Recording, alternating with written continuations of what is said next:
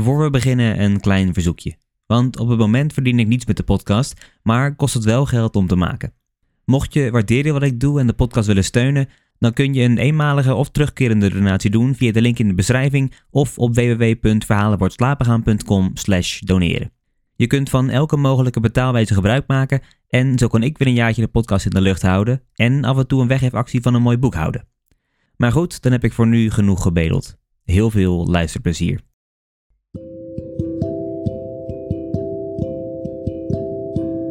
Hallo allemaal en welkom. Mijn naam is Mike en in deze aflevering lees ik voor uit een nagelaten bekentenis van Marcellus Eemans. Dit is Verhalen voor het slapen gaan.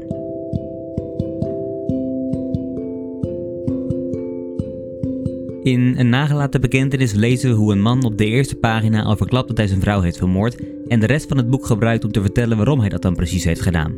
Het is een door en door naturalistische roman, waarin het hoofdpersonage niet aan zijn lot zal kunnen ontkomen. Als je meer context wil horen over de roman en de auteur, dan verwijs ik je naar aflevering 69, waarin ik het werk introduceer. We weten inmiddels al best een hoop over Willem.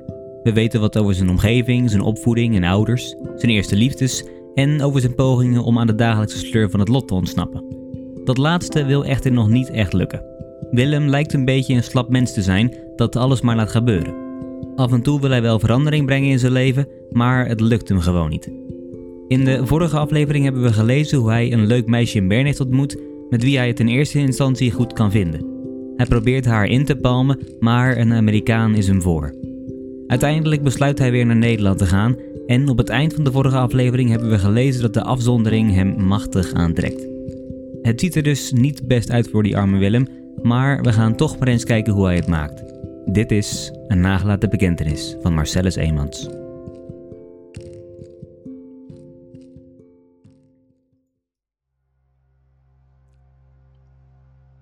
Een nagelaten bekentenis. Over de terugreis deed ik drie dagen.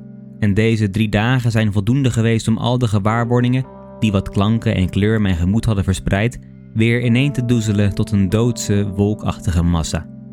De gevoelsdronken blik naar binnen gericht, waar elke zenuw nog trilde, elke herinnering nog glansde, haar bekoorlijk beeld in mijn ogen, haar heldere stem in mijn oren, haar zachte aanraking in mijn handpalm was ik de trein ingestapt. Leeg van hoofd en hart, mat en soezerig als na de opwinding van een wilde feestavond. Met leuke begeerlijkheid uitziende naar wat anders kwam ik eindelijk in Holland aan.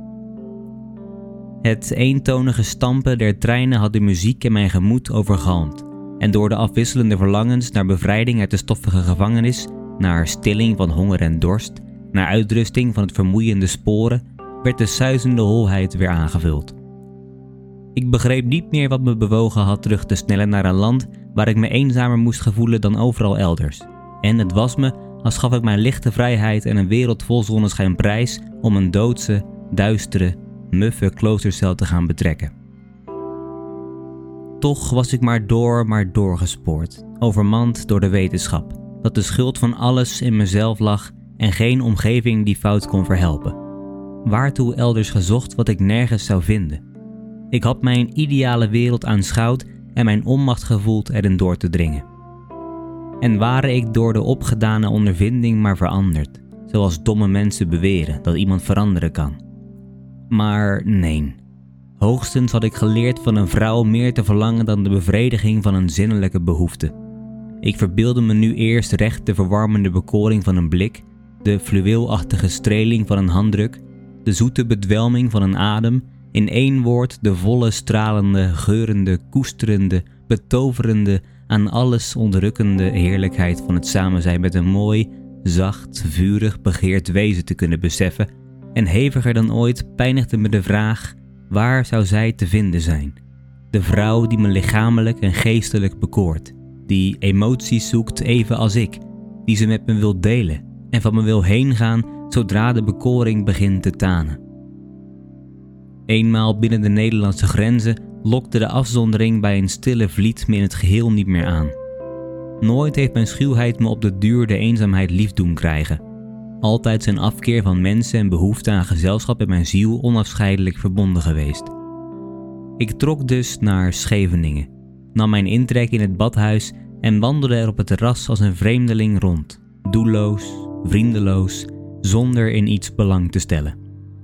Hoe weinig ik me op reis met anderen had bezig gehouden, wat meer gemakkelijkheid van omgang was er toch van bijgebleven. Onder het eten durfde ik soms een gesprek te beginnen en langzamerhand werd ik dus enige tafelkennissen rijk. Verder bracht ik het evenwel niet, want de moed om diezelfde mensen in de lees- of muziekzaal aan te spreken bleef me ontbreken. En tegelijkertijd verbeelde ik me dat ze mij uitlachten, juist omdat ik die moed niet bezat. De morgens versoeste ik nagenoeg geheel in een rieten stoel aan het strand, gehypnotiseerd door de rusteloos bruisende zee, het eentonig stralende zand, de onmetelijk grote, lichtende ruimte en de avonden doormijmerde ik bij de muziek, in de regel nog slaperig van de verslapen ochtend, bij uitzondering eens uit die dofheid opgewekt door een pikante of een aangrijpende compositie. Het was een een dier opflikkeringen van gemoedsleven dat het denkbeeld bij me opkwam van mijn misselijk avontuur een novelle te maken. Al dikwijls had ik me afgevraagd of de vele abnormaliteiten waarvan ik me bewust was, niet het kenmerk konden zijn van een artistieke natuur. De tijden waarin kunstenaars de gezondste, de eenvoudigste, de krachtigste, verstandigste, de edelste kinderen waren van een volk en een tijd, zijn, indien ze ooit bestaan hebben, lang voorbij. Tegenwoordig is iedere artiest min of meer ziek, erg gecompliceerd, neurasthenisch, in sommige opzichten ontoerekenbaar, in andere pervers.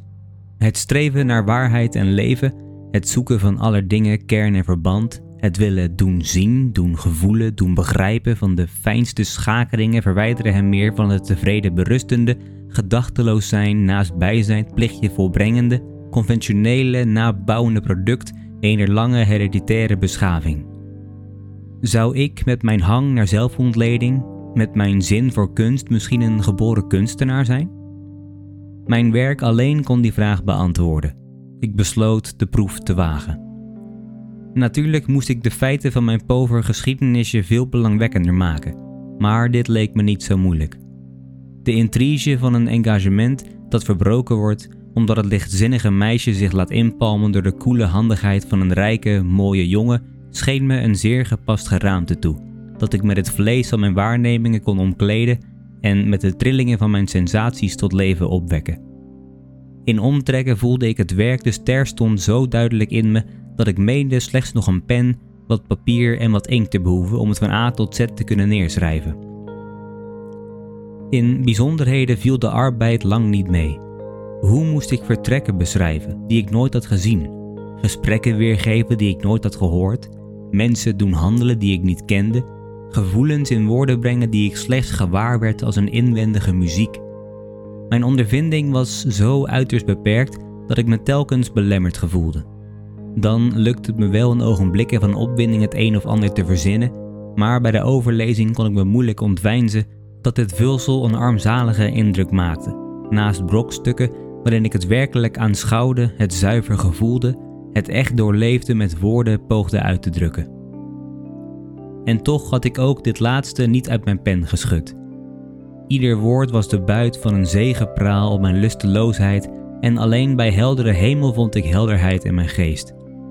Ongetwijfeld zou ik mijn werk dadelijk verscheurd hebben indien die weinige goede fragmenten mij niet zo innig dierbaar waren geworden.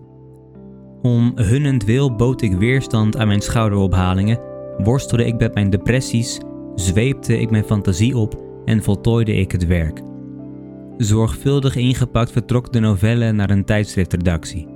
Drie maanden later kreeg ik ze, na herhaalde aanvragen om enig antwoord, met een kille afwijzing wegens onbelangrijkheid slecht ingepakt terug. Het was najaar en ik woonde al te Amsterdam in een hotel. Gewoon mijn talenten laag te stellen, had ik me met geen betere uitkomst gevleid. Toch trof me de begeleidende brief, zoals ik geloof, dat een veroordeling tot levenslange tuchthuisstraf de misdadiger treffen zal die moed heeft gevat na het welsprekend pleidooi van zijn advocaat. In de illusie dat al de zonderlingheden die me van de grote menen te onderscheiden, heel het onuitsprekelijke, dat ik mijn binnenste zo pijnlijk gewaar werd, ten slotte zou blijken de fijnere impressionabiliteit van een kunstenaar te zijn, had ik mijn held tot een getrouw conterfeitsel van mezelf gemaakt. De novelle was een onopgesmukte openbaring geworden van mijn geheimste sensaties. Ik had mijn gemoed als het ware aan een vuurproef onderworpen en nu bleek het niet bestand te wezen tegen de gloed.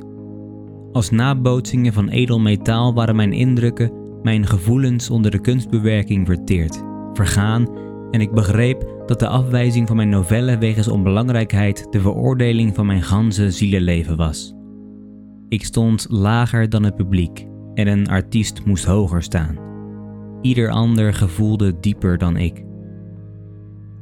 Gedurende de afwachting van het vonnis had ik niets meer uitgevoerd. Mijn ledigheid was gevuld geworden met de spanning van het wachten. Daarna achtte ik me terecht of ten onrechte op één lijn gesteld met de belachelijke zwakkelingen, die slechts een schemerend hersenleven van de echte idioot onderscheidt. En onmachtig me flink te verzetten, boog ik onder dit verdikt mijn hoofd. Voelde ik me geworden tot hetgeen men scheen te beweren dat ik inderdaad al was. Geen spoor meer van mijn vleugje energie. Ik stond pas uit mijn bed op wanneer ik het er niet langer in kon uithouden en ik viel er weer in neer zodra ik niet meer wist waar ik onopgemerkt mocht blijven hangen of rondslenteren. Urenlang lag ik op een sofa als verstomd voor me uit te staren en trokken de nevelen die mijn gedachten omvloersden soms een ogenblikje op, dan zag ik het leven bij het licht van mijn koude jaloezie van alles en alle, dan was ik me alleen bewust van een alomvattend haten. Akelig ledige dagen. Geen sprankje belangstelling in wat ook. Ik las mijn novelle over en vond het ding nu zelf onuitstaanbaar. Mat, dwaas en tegelijkertijd aanmatigend. Nee, ik was geen kunstenaar. Menige avond bedronk ik me op mijn kamer om in een half uur van opgewondenheid voor de toekomst weer eens een romantisch plan te kunnen ontwerpen. Ik wist dat het nooit tot uitvoering zou komen, maar het bezorgde me ten minste een flets voorgevoel van heerlijke emoties, een siddering van denkbeeldig leven. Wat me eindelijk opjoeg uit deze marasmus was de vrees voor de dienstbode. Ik heb er altijd een hekel aan gehad op mijn wandeling bekenden tegen te komen. Gedeeltelijk vindt dit zijn verklaring in mijn angst om mensen te groeten die me niet herkennen. Voornamelijk spruit het uit mijn argwaan voort dat ze achter mijn rug zich zullen omwenden om me na te kijken, af te breken, misschien te bespotten. Deze argwaan bekroop me ook ten opzichte van de hotelmeiden, die mijn onhebbelijk luieren alleronaangenaams moesten vinden. Zeker lachten ze mij uit, maar als ze ook eens rondvertelden dat ik niet wel bij het hoofd was. Die mogelijkheid joeg me op een goede dag tamelijk vroeg het bed uit en bracht me ertoe weer aan de tafel dood te gaan eten. Toen gebeurde het dat mijn buurman door een reeks van vragen mij tot een gesprek wist te verlokken. Eerst verwenste ik de lastige kerel en dacht zelfs aan opstaan, maar zoetjes aan liet ik me meeslepen en de volgende morgen verlangde ik naar het etensuur. De man behoorde kennelijk tot die half artistieke naturen, welke de onbeschaamdheid, talent en de lust hebben andere mensen binnenste buiten te keren. Bij mij leed hij telkens schipbreuk op mijn hardnekkige geslotenheid en mijn gemakkelijkheid in het liegen. Maar desondanks besefte ik dat hij me allengs begon te doorgronden. Dit maakte me hoe langer hoe voorzichtiger, maar trok me tegelijkertijd aan. Soms voelde ik een krachtige aandrang om mijn gemoedsleven voor hem bloot te leggen, doch zover is het nooit gekomen. Hij was dorpsburgemeester in de Achterhoek en een en al bewondering voor zijn beroep. Volgens hem kon de burgemeester met wat tact en geld gemakkelijk de afgod worden van zijn gemeente en bestond er geen beter baantje voor jongelui met goede hoofden die het gebrek aan energie of om andere redenen geen vaste voet hadden gekregen in het maatschappelijk radenwerk. Hij wist het ambt zo smakelijk te schilderen dat ik tenslotte geloofde het geneesmiddel voor mijn kwaal, het toevluchtsoord uit mijn ellende, het redmiddel van mijn toekomst gevonden te hebben. Toch zou ik voor al de bezwaren, als het les nemen, het zoeken van een secretariaat, het solliciteren, terug zijn gedeinst. Indien mijn tafelvriend niet gebleken was de man te zijn die zich volgaarne met een en ander wilde belasten. Hij hemelde de zaak hoe langer hoe meer op, prees ook het dorpsleven met zijn gedwongen sociabiliteit en zegevierde ten laatste over mijn besluiteloosheid. Weinige weken later zat ik op een gemeentehuisje, bezield met de beste voornemens mijn vlijend nu een gewoon mens te zullen worden, in staat even kalm gelukkig te zijn, als ik meende te zien dat anderen waren. Een poos hield deze waan uit eigen kracht stand. Daarna bleef hij een tijd lang gedwongen in het leven. Toen verdween hij zonder een spoor achter te laten. Wat me het eerst tegenviel was de sociabiliteit, waarvan ik me juist zoveel had voorgesteld. Op het ogenblik dat ik deze bladzijde neerschrijf, twijfel ik er niet meer aan dat alleen het aangeboren wantrouwen waarmee ik de mensen altijd tegemoet ben getreden, de schuld van deze nieuwe teleurstelling is geweest. Toen echter verbeelde ik me dat iedereen even stug in de omgang bleef als hij zich bij de kennismaking getoond had. En om dit verschijnsel te verklaren, nam ik aan dat ze mij voor een waanwijze, geblaseerde stedeling hielden. Ik stelde me voor dat de mannen dachten: je ziet op ons dorpelingen neer, omdat je wat verder bent geweest dan wij, die alleen de Rijn kennen en omdat je in schouwburgen, sociëteiten, café chantant wereldwijsheid waant te hebben opgedaan. Maar in onze schatting ben je toch maar een nieteling. En ik meende in de ogen van de vrouwen te lezen: met liederlijke deernen heb je zeker leren omgaan. Waarschijnlijk lach je om onze japonnen, die enige modes ten achter zijn. Maar geloof niet dat wij daarom iets anders in je zien dan een onhandige kwezel, die in de grond van zijn hart verlegen voor ons is. Nu eens schuchter tot lompwordens toe, dan weer driest, haast beledigend, deed ik mijn best anderen en mezelf tot vertrouwelijkheid te dwingen. Maar het gevoel dat men mij dulde, doch niet genegen was, te veel doorzag en niet genoeg doorgronde, groeide met de dag aan. Daar kwam bij dat het werk, evenals elk werk, mij al gauw tegenstond, wat de burgemeester niet ontging. Mijn lusteloosheid nam toe. Mijn beetje wilskracht verlamde. Het gebeurde dikwijls genoeg, vooral op warme namiddagen, dat ik over mijn papieren in slaap viel. En de talloze goede voornemens, die in mijn avonduren rijpten, waren geregeld de volgende morgen ontkleurd, verschrompeld, verdord. Toch hield ik het twee jaar op die secretarie uit. En misschien waren ik er nog langer uit traagheid blijven hangen als ik geen kennis had gemaakt met een jong mens die zich bekwaamde voor de Amsterdamse universiteit. Ofschoon zijn ouders in het dorp zeer gezien waren, had niemand met hem op. Men vond hem loens, stroef, egoïst en jong en oud vermeed zijn gezelschap, voor zover dit op een kleine plaats doenlijk is. Ook mij gaf hij een alleronaangenaamste indruk, maar toch trof het me dat wij zoveel van elkander weg hadden. Op zichzelf waren dit nog geen reden voor me geweest om zijn bijzijn te zoeken, doch de gelijkenis viel toevallig in mijn voordeel uit. Ik was iets minder schuw, iets minder onmondig en dit gaf me een ongekend behagelijk zelfvertrouwen.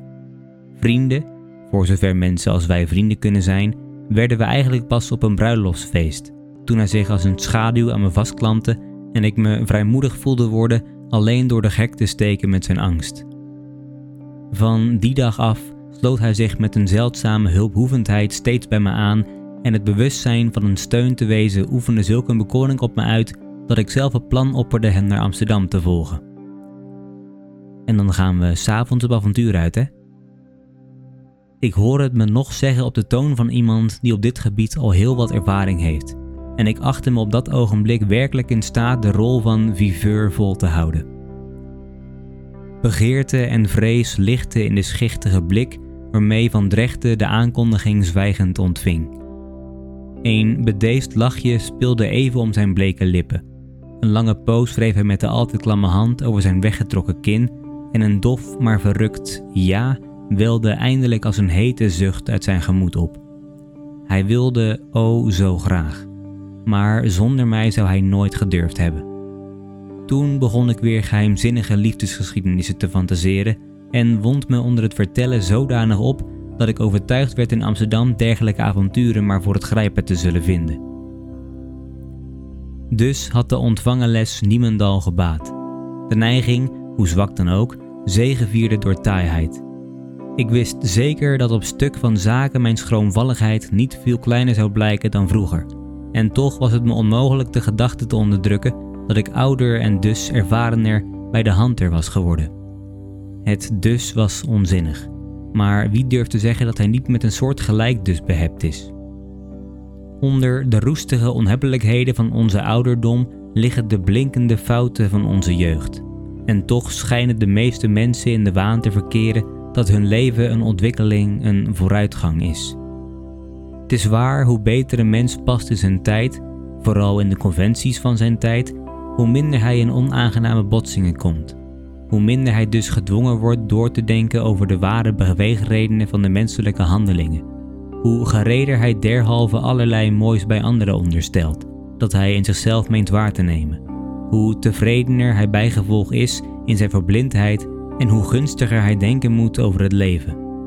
Hier schijnt tegenover te staan dat ondanks de mooie, althans verdedigbare motieven welke de mensen voor hun daden in zichzelf menen te vinden, en dikwijls ondanks die daden in zichzelf ondersteld willen zien, zij maar al te vaak in anderen, behalve op het toneel en in boeken, voor dergelijke daden slechte, tenminste onverdedigbare motieven aannemen.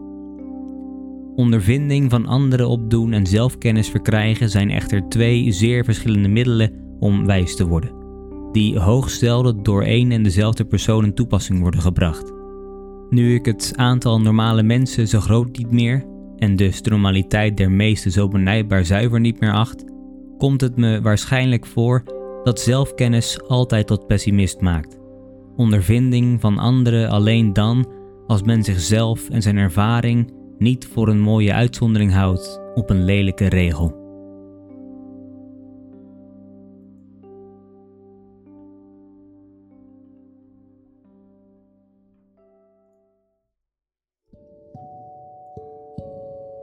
Dat was een nagelaten bekentenis.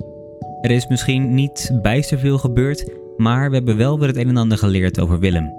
Hij probeert eigenlijk een beetje op te gaan in de omgeving en zo min mogelijk ruimte in te nemen.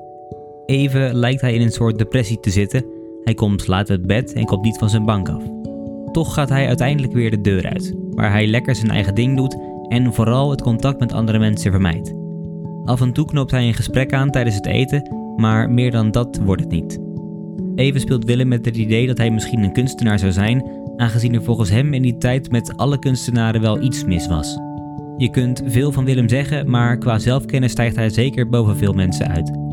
Al blijkt hij toch niet zo'n goede schrijver te zijn als hij dacht, want na drie maanden krijgt hij zijn novelle met een afwijzing terug. Wel krijgt hij een baantje bij een secretariaat, maar daar lukt het hem niet echt aan te sluiten bij zijn collega's. Tot hij een jongen ontmoet met wie hij plannen maakt en bij wie hij zich wel goed voelt. En eigenlijk ook alleen maar omdat die jongen blijkbaar een nog triester figuur is dan hij zelf is. Ze maken plannen om op avontuur te gaan. Maar als we Willem een beetje kennen, kan dat nooit tot iets grandioos leiden. Maar goed, dat zien we de volgende keer. Voor ik afsluit nog één dingetje. Het luisteren van de podcast is gratis, maar het maken is dat niet. Natuurlijk vind ik het hartstikke leuk om te doen. Maar mocht je de podcast willen steunen, dan kan dat door je op de podcast te abonneren. Je krijgt dan toegang tot alle afleveringen, luisterboeken en giveaways. Je kunt ook altijd een losse donatie doen. Alle links staan in de beschrijving. Je kunt je waardering voor de podcast natuurlijk ook uiten door een positieve beoordeling achter te laten of door hem met anderen te delen. Dat helpt me enorm. Ik wil jullie hartstikke bedanken voor het luisteren naar deze podcast.